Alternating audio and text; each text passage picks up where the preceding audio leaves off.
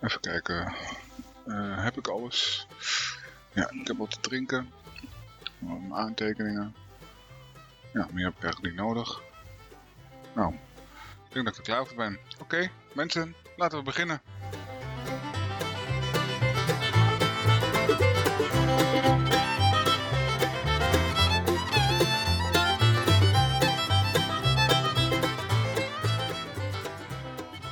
Nou, hier gaan we dan. Hallo en welkom bij uh, de eerste podcast van Leo is Live. Uh, mijn naam is Leo. Um, ik ben verpleegkundige. En heb al een hele tijd zitten denken om een eigen podcast te beginnen. Omdat ik denk dat ik uh, misschien wel leuke verhalen heb. En het leuk vind om verhalen te vertellen. Leuk om in, ik vind het leuk om in gesprek te gaan met mensen. Dus ja, kortom, uh, ik vind eigenlijk, uh, het lijkt me gewoon leuk. En ik dacht, ik moet beginnen. Ik ga beginnen. Podcast, ik heb het uitgezocht. Um, ik vind het erg leuk. Ik mag graag wel naar verhalen van anderen luisteren. Um, ik dacht bij mezelf, nou, als ik dat ook kan doen, hoe? Hoe dan? Ik um, ben op het internet gaan zoeken. Van ja, gaan kijken en zoeken naar uh, hoe dat werkt met een podcast. En uh, je hebt allerlei ideeën, je schrijft allerlei dingen op, je maakt aantekeningen, maar uiteindelijk uh, komt het erop neer dat je gewoon moet beginnen. En dat zie ik overal in de tips en tricks die je krijgt. Um, zie je dus gewoon dat, dat, dat ze zeggen van je moet gewoon, gewoon begin gewoon. Dus bij deze ben ik begonnen.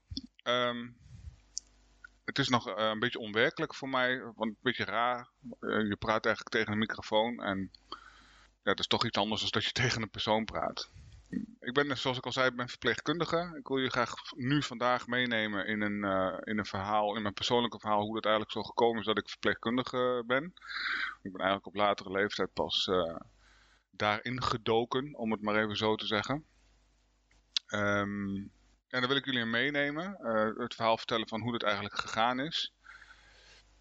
Um, nou, ik hoop dus dat jullie het interessant vinden en leuk vinden. En dat jullie toch een volgende keer wel weer uh, willen luisteren. Uh, ik wil nog wel even vertellen op deze, deze podcast. Um, ik ben nu, ga nu een persoonlijk verhaal vertellen. Die kun je tegenkomen. Ik wil, ik wil dingetjes met jullie doornemen. Ik, wil, ik ga interviews houden. Ik heb allerlei ideeën om, om deze podcast te vullen. Um, waaronder bijvoorbeeld ook... dingen die echt gerelateerd zijn in, in, ja, aan mijn vak en, en wat ik allemaal tegenkom en uh, mensen daarvoor interviewen, uh, noem maar op, items behandelen enzovoort enzovoort. Uh, daarnaast vind ik het ook leuk um, als ik luisteraars heb, als die met me meepraten. dus als je ideeën hebt of iets dergelijks, dan kun je dat op allerlei media zoals mijn website en Instagram, Facebook, overal kun je dat, kun je dat achterlaten. En dan kan ik kijken wat, ik ermee, wat ik ermee kan. Um, nou, we gaan beginnen aan mijn verhaal. Uh, ik ben benieuwd. In uh, 2018 heb ik uh, een carrière switch gemaakt. Ik was zelfstandig ondernemer. En um, ik heb mijn eigen, ja klinkt gek, of, gek. Ik heb mijn eigen tattoo shop gehad, een jaar of tien. Um, ik was er op een gegeven moment klaar mee en ik heb altijd gezegd als ik er klaar mee ben of het wil allemaal niet meer, dan ga ik weer naar school en dan wil ik graag de zorg in. Uh, ik ben dus ook in 2018 uh, um, overgeswitcht naar een uh, opleiding HBO verpleegkunde. Um, de opleiding die ik nu doe, daar kan ik echt ja, straks vele kanten mee op. en dan misschien na de opleiding wil ik nog ergens specialiseren. Ik wil het liefst graag in een ziekenhuis werken, bij op de acute zorg. Uh, ja, je kunt, met deze opleiding kun je gewoon alle kanten op. Dus ik moet de opleiding moet ik gewoon uh, eerst afmaken en dan uh, zie ik vanuit daar wel verder. nou, voor die opleiding moest ik een werkplek hebben, om dat ook in de praktijk, om in de praktijk te kunnen leren. Maar ja, dat was een behoorlijke opgave. Dus ik ben zoals ze zeggen, zo mooi zeggen, een zij instromen. Maar ik ga jullie allemaal vertellen hoe het allemaal begon. Um, als kind was mijn droom om chirurg te worden. Kijk, op de lagere school uh, gaven ze aan dat het voor mij uh, te hoog gegrepen was en dat ik waarschijnlijk allemaal niet aankon qua niveau. En uh, nou ja, ik had zoiets van prima. Ik was een nakomertje van 20 jaar. Mijn jongste broer die boven mij zit, die is 20 jaar ouder. En die ik woonde dus destijds alleen met mijn moeder. mijn vader was overleden toen ik negen maand was. Dus ja, ik, ik woonde samen met mijn moeder. Mijn jongste broer was 20 jaar ouder, die was ook al het huis uit. En ja, mijn moeder was was de leukste, liefste en de geweldigste moeder die er was. Maar ze was gewoon niet wereldwijs. En ze had zoiets van, jongen, uh, we moeten maar afgaan op het advies van school. Want verder kunnen we daar ook helemaal niks mee. Want zij wist het ook niet, ik wist het ook niet. Um, ja, mijn broers, ik heb dan twee broers en een zus.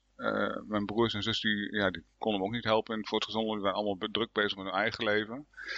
Um, maar ja, uiteindelijk moet je dan in groep 8 wel een keus maken. En uh, omdat ze dus aangaven dat ik dus niet zeg maar een richting op kon, zodat ik dan chirurg kon worden. Uh, heb ik eigenlijk maar, heel gek, uh, twee vrienden van mij die gingen naar de LDS. Dat was de lagere detailhandelschool. en omdat hun daarheen ging, ben ik gewoon meegegaan. En dat was echt niet omdat ik het zo graag wilde. Maar ik kon op dat moment gewoon ook, ook niks, niks beters bedenken. Maar ja, op die LDS heb ik natuurlijk wel een hele, hele superleuke tijd gehad. Ik had het leuk met de vrienden. En, ja, school deed ik dan niet zo heel veel aan, want ik vond het allemaal prima. En ik baalde eigenlijk uh, onderliggend wel een beetje van dat ik dus niet kon kiezen of niet aan het doen was wat ik eigenlijk graag wilde doen. Nou, in het vierde jaar moet je dan examen doen. En je raadt het al, ik was gezakt. Ik had, geen reet aan school gedaan en ik vond het allemaal prima. Het was lang leven de lol. Dus op een gegeven moment, uh, nou ja, ik zak voor het examen. Dus dan mag je het jaar overnieuw doen. Nou, in het jaar wat eigenlijk allemaal herhaling was, was ik eigenlijk nog steeds niet gemotiveerd om er wat van te maken. En voor het uh, examen, dus eigenlijk de tweede keer examen, uh, was, er een, uh, was een leraar waar ik heel goed mee op kon schieten. Die gaf aan, als ik me zou terugtrekken voor het examen, dan zou ik het jaar nog een keer mogen doen. Maar ja, daar had ik geen zin in. En uh, ik was natuurlijk eigenwijs. Dus ik trok, trok me niet terug. maar sto stortte me gewoon weer in, in de vol overgave in, in de komende examens. En ja hoor, dus weer gezakt. Dus had ik nog steeds geen diploma. Uh, uh, uiteindelijk ben ik na, na de examenuitslag ben ik in gesprek gegaan met mijn decaan en uh, over wat ik nu het beste kon doen. En hij gaf aan dat als ik door wilde in de detail, dat ik via een intakegesprek en een competentietoets misschien wel toegelaten kon worden op, um, op de MDS. Um, ja, omdat ik toch wat moest en ik niet heel veel keuze had, heb ik dat eigenlijk maar gedaan. eerst moet je een beroepskeuzetest doen en daar kwamen interesses uit. En de interesses die eruit kwamen, kwamen inderdaad dat mijn uh, ambitie lag bij iets in de, in de zorg. Het was een heel breed begrip, maar toch wel die richting op. En wat ik ook eigenlijk al graag wou. Ik wilde graag chirurg worden. Nou, om toegelaten te worden wilde de school natuurlijk mijn niveau bepalen. En uit de test die ik ervoor moest doen, um, bleek dus dat ik gewoon prima die school, school kon doen. En eigenlijk gaven ze aan richting mij dat ik gewoon hbo-niveau had. Uh, op dat moment dacht ik na snel rekensommetje... Um, ik heb dit niveau en waarom doe ik eigenlijk dit soort opleidingen? Dus eigenlijk, eh, voor mij had ik dus een hele andere keuze moeten maken. Want ik had dus achteraf wel, um, ja, wel een opleiding zeg maar, kunnen doen richting uh, wat ik wilde. Hè. Ik wilde chirurg worden, dus dan moet je HAVO, VWO en dan eventueel misschien nog uh, uh, een doktersopleiding enzovoort enzovoort. Maar dat, dat had dus wel gekund. En ik had dus niet die detailhandel moeten kiezen. Ik had dus eigenlijk gewoon de boel beter moeten onderzoeken. Maar ja, het was nou eenmaal zo, ik kon er helemaal niks. Op een gegeven moment, ja, de moed was natuurlijk wel in mijn schoenen gezakt. Dacht ik bij mezelf, nou misschien kan ik nog alsnog mijn droom achterna. Nou, omdat ik nog een afgeronde opleiding had, hield dit in dat ik uh, onderaan moest beginnen. Uh, vol goede moed heb ik uitgezocht ja, waar ik moest beginnen. En op dat moment uh, was voor mij de keus gevallen op de KMBO-verzorging. Ehm, KMBO, dat was, of dat was, ja, dat was destijds, heette dat kort middelbaar beroepsonderwijs. Um, ik had me aangemeld voor die opleiding. Tijdens intakegesprek bleek dus dat je daar zonder vooropleiding naartoe kon. Um, heeft natuurlijk wel in, in het intakegesprek moest natuurlijk onderbouwen waarom, uh, waarom ik dat ging doen. En moest natuurlijk een verklaring van, uh, van mijn vorige school komen. Hè? Een soort van onderbouwing ook. Nou, eenmaal op die, uit, op die opleiding ging ik uitstippelen wat ik eigenlijk wilde gaan doen in de zorg. dan kwam ik al gauw tot de conclusie dat ik gooi wilde doen om arts te worden. Nou, al snel bleek dat de weg daar naartoe een hele lange zou zijn. En dat besef, dat brak me eigenlijk een beetje.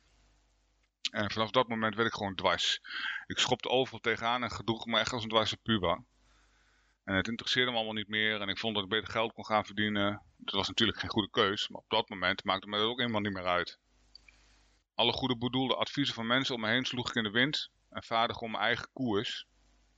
En daarbij kwam ook nog dat aantal mensen die dichtbij me stonden de opmerking maken, het wordt niks met jou als je zo doorgaat, ik kom niks van jou terecht. En dat resulteerde dat ik alleen maar nog meer mijn kop er tegenin gooide. Nou ja, uiteindelijk ben ik dus gewoon gaan werken.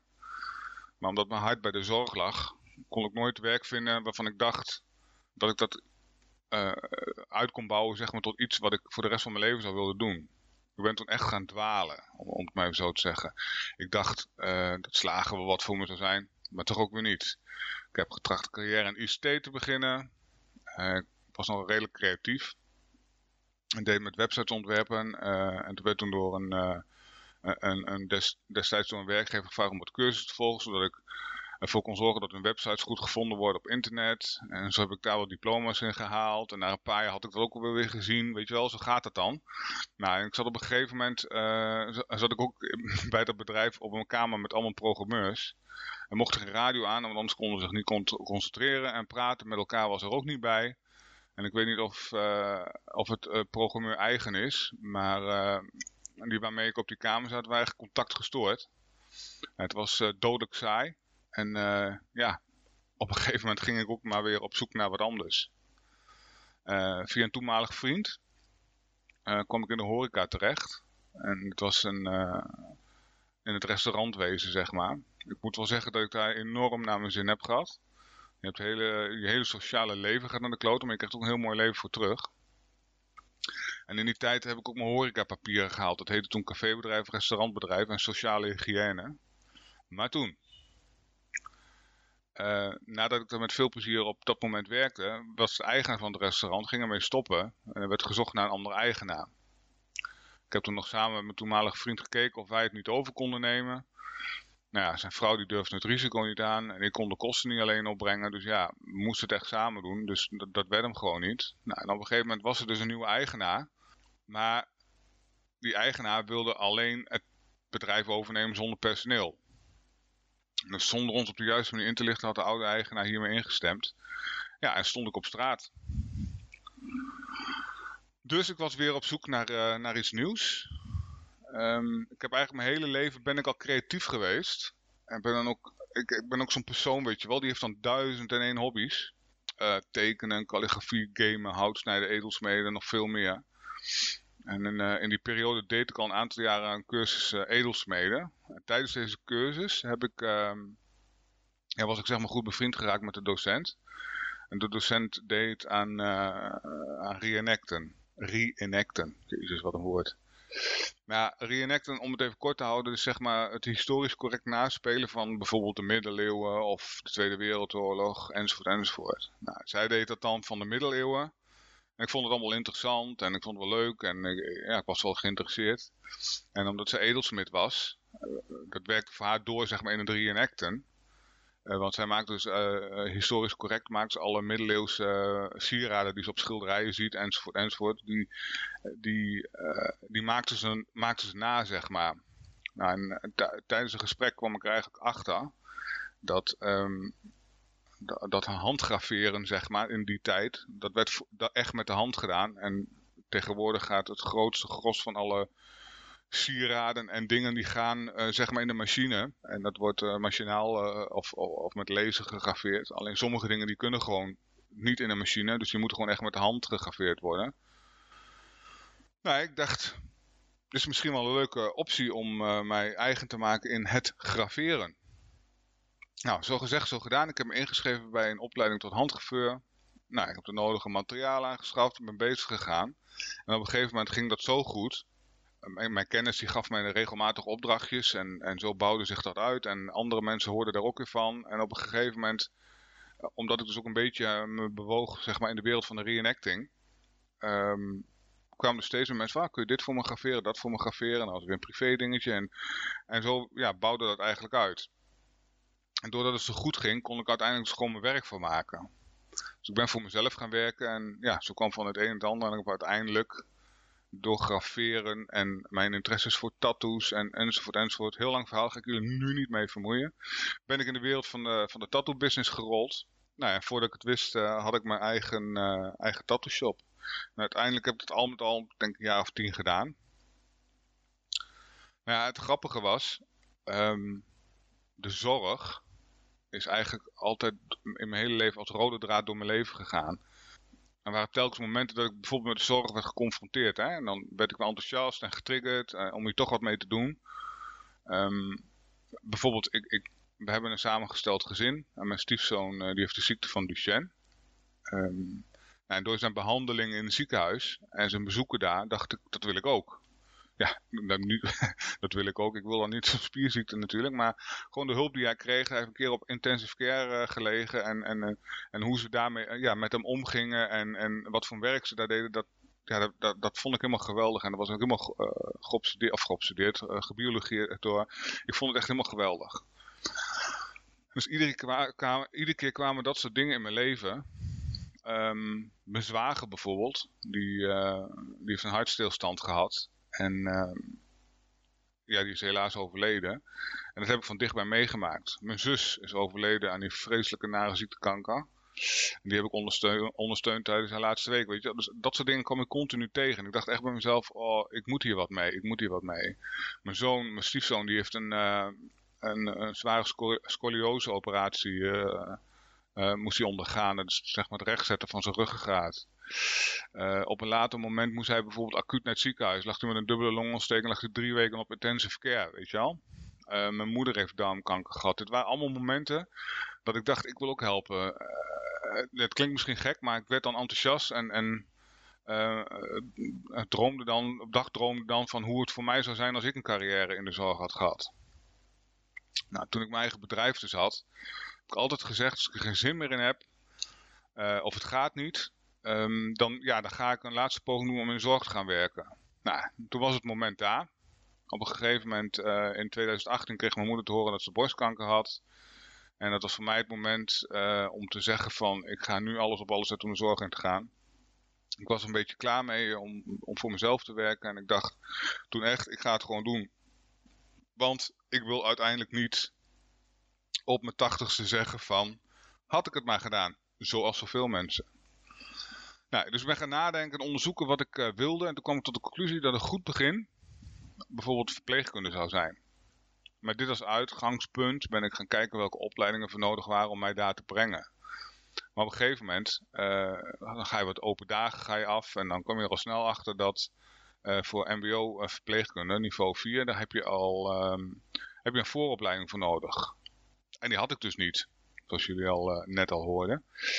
Um, en kijk, zonder vooropleiding was het gewoon met geen mogelijkheid, uh, was, er, uh, was het mogelijk om een mbo verpleegkundige niveau 4 te gaan doen.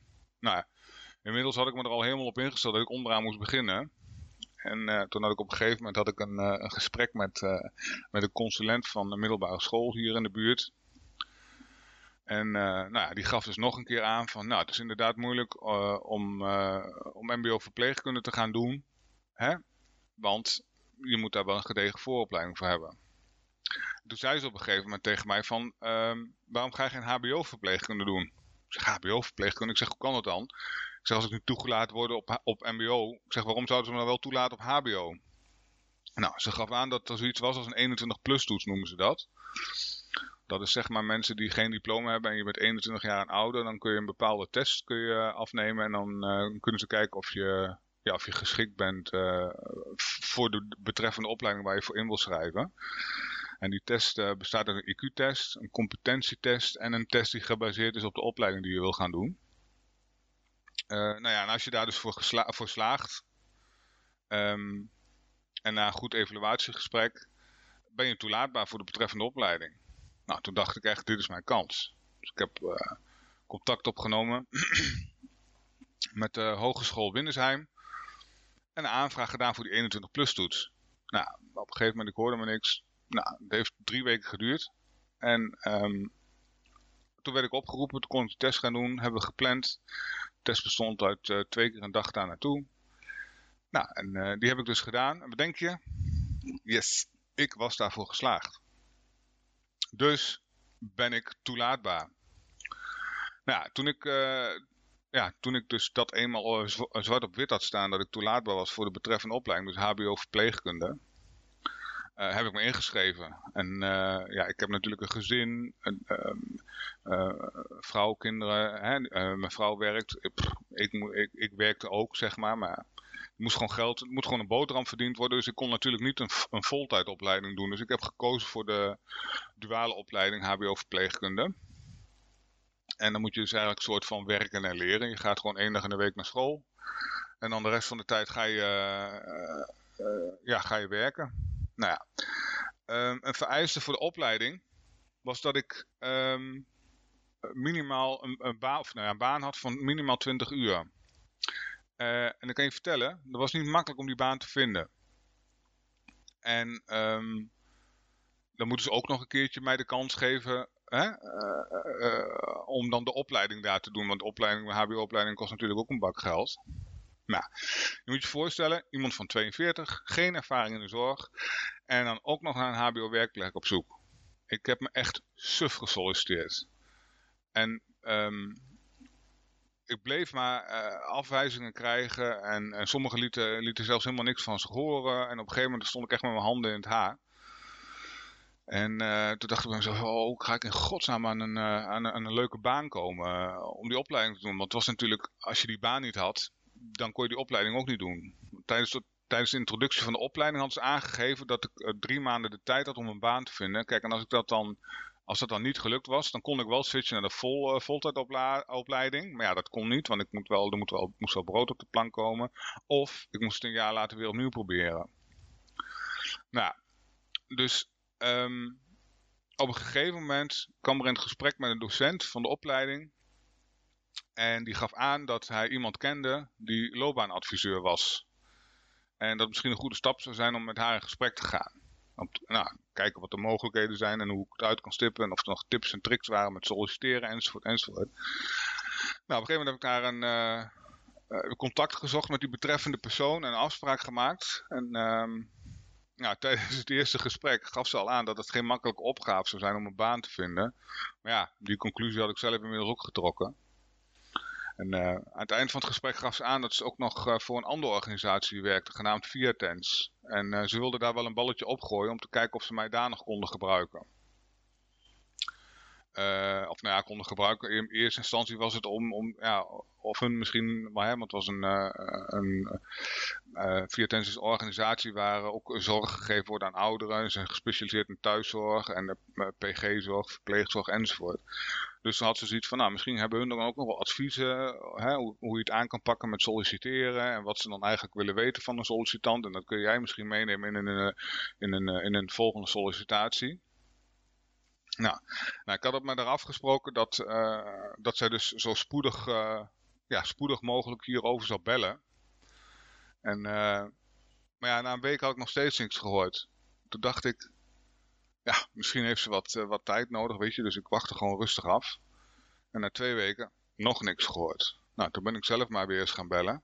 En aan de telefoon uh, gaf ze aan dat ze wel het balletje had opgegooid, maar alleen nog niet, geen tegenbericht had gekregen. Nou, ze ging er achteraan bellen en ze zou me dit laten weten. Ja, weer een week later had ik nog steeds niks gehoord en ik dacht, dit is weer zo'n situatie waar ze eigenlijk niet weten hoe ermee om te gaan. En onder, ondertussen bleef ik over solliciteren en nog steeds zonder resultaat. Maar toen. Maar toen werd ik gebeld door, door die loopbaanadviseuse. En die gaf aan uh, dat ze een oriënterend gesprek heeft kunnen regelen met een teamleider en een praktijkopleider van Viatens. Ze gaf wel met klem aan hè, dat, uh, dat het een oriënterend gesprek was. En dat ik er geen hoop uit moest putten. Dat er een werkplek voor mij in zou zitten. Nou, ik denk, nou ja, het is in ieder geval, ik kan in ieder geval het verhaal aanhoren en dan zien we wel uh, hoe of wat. Um, op een gegeven moment kreeg ik uitnodiging en ging vol goede moed, maar zonder verwachtingen, ging ik naar een gesprek.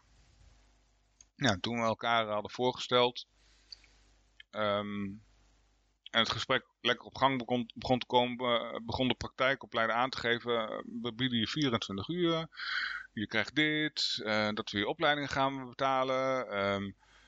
Uh, nou, het voordeel is dat we jou willen hebben, is dat je een man bent. En dat zien we wel zitten, want er zijn weinig mannen in de zorg. En ze vond het mooi om, om te zien dat ik HBO-niveau had en dat ik creatief was. Want die combinatie vond ze helemaal geweldig. En zo was ze helemaal een verhaal aan het afsteken. Toen dacht ik, ho, stop.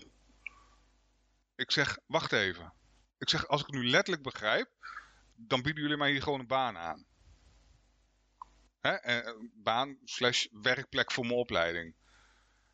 Nou, het was even stil. Op een gegeven moment zegt de teamleider, ja, ja, inderdaad, dat was wel de bedoeling.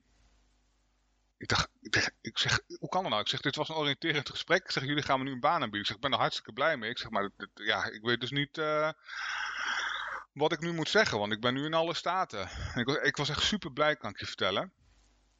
En ik zeg nog ik zeg, kom maar. Ik zeg, waar kan ik tekenen? Ik zeg, dat doen we, doen doen we gelijk. Uh, ik heb echt die kans, heb ik, uh, heb ik met beide, beide handen aangegrepen. Dus ik had, ik had 24 uur uh, werk, dus ik moest minimaal 20 uur werk hebben voor mijn opleiding. Dus ik kon die opleiding gewoon gaan starten. En het mooie was, ze betaalden ook nog de hele opleiding. Dus uiteindelijk ben ik dus naar een, een zoektocht van ongeveer een half jaar, heb ik, um, heb ik dus een werk, had ik dus werk gevonden in de zorg en ik kon mijn opleiding doen. En eh, de werkplek uh, leende zich ook automatisch uh, voor, voor de opleiding die ik moest doen en de opdrachten die ik daarvoor moest doen. Nou, inmiddels ben ik er aangenomen. En, en is, is, was ik er aangenomen. En ik werk dan in de thuiszorg. En ik, inmiddels werk ik er alweer 2,5 jaar. En ik ben er al wel achter dat thuiszorg niet iets is wat ik voor de rest van mijn leven wil doen. Ik bedoel, ik vind het hartstikke leuk met, met, met ouderen. En ik vind het hartstikke gezellig. Alleen, ja, ik, ik, heb nu op dit moment niet echt een uitdaging. Ik doe gewoon mijn werk en ik kan heel goed mijn opdrachten doen, maar mijn hart ligt meer bij de acute zorg. Maar ja, weet je, uh, ik moet eerst die opleiding doen zoals ik ook al in het begin van het verhaal vertel, vertelde. Ik ga gewoon eerst die opleiding doen en na die opleiding dan ga ik solliciteren, ga ik kijken of ik ergens anders terecht kan. Um, ja, de, op, de opleiding is modulair opgebouwd.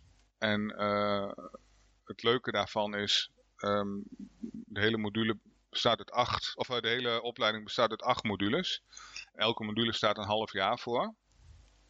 Uh, alleen omdat je, ja, het is HBO, dus je kan het zelf helemaal inrichten. En omdat het modulair opgebouwd is, is het gewoon heel makkelijk. Dus ik, ben, ik was zo gemotiveerd. En ik heb uiteindelijk, um, ben ik nu, de opleiding heb ik met, uh, met ander, anderhalf jaar heb ik die verkort. Omdat ik natuurlijk modules tegelijk um, tegelijk naast elkaar kon doen. En dat ging, dat ging prima. Ik heb echt al mijn energie en al mijn dingen heb ik daar, um, ja, heb ik daarin gestoken. En als het goed is, begin volgend jaar 2021, dan studeer ik af. En dan kan ik als hbo-verpleegkundige de wijde wereld intrekken. En ik ben benieuwd wat me dan allemaal op het pad komt. Dus voor alle mensen die ooit gezegd van er komt niks van je terecht, eat your heart out. En zo is het dus allemaal begonnen. Nou, dit was mijn verhaal tot dusver. Uh, dit was ook mijn eerste keer een podcast opnemen. Dus ik vond het allemaal wel een beetje spannend. ik denk wel dat, het, ja, dat, het, dat ik het verhaal wel volledig heb kunnen vertellen. En ik hoop echt dat jullie het leuk vinden. En, laat alsjeblieft even op alle media's die ik heb uh, laat even weten wat je ervan vindt. Um, ja, ik zal een volgende keer zal ik, zal ik weer terugkomen. Of met een verhaal of met een interview. Jullie gaan het allemaal zien. Vind je het leuk? Volg me dan ook gewoon. Want je hebt, op allerlei media's kun je me volgen. Nogmaals, bedankt voor het luisteren. En ik hoop dat jullie een volgende keer weer er weer zijn. Dankjewel. Krijg je nou geen genoeg van Leo? Kijk dan eens op www.leoislife.nl of volg Leo is Live op Instagram en Facebook.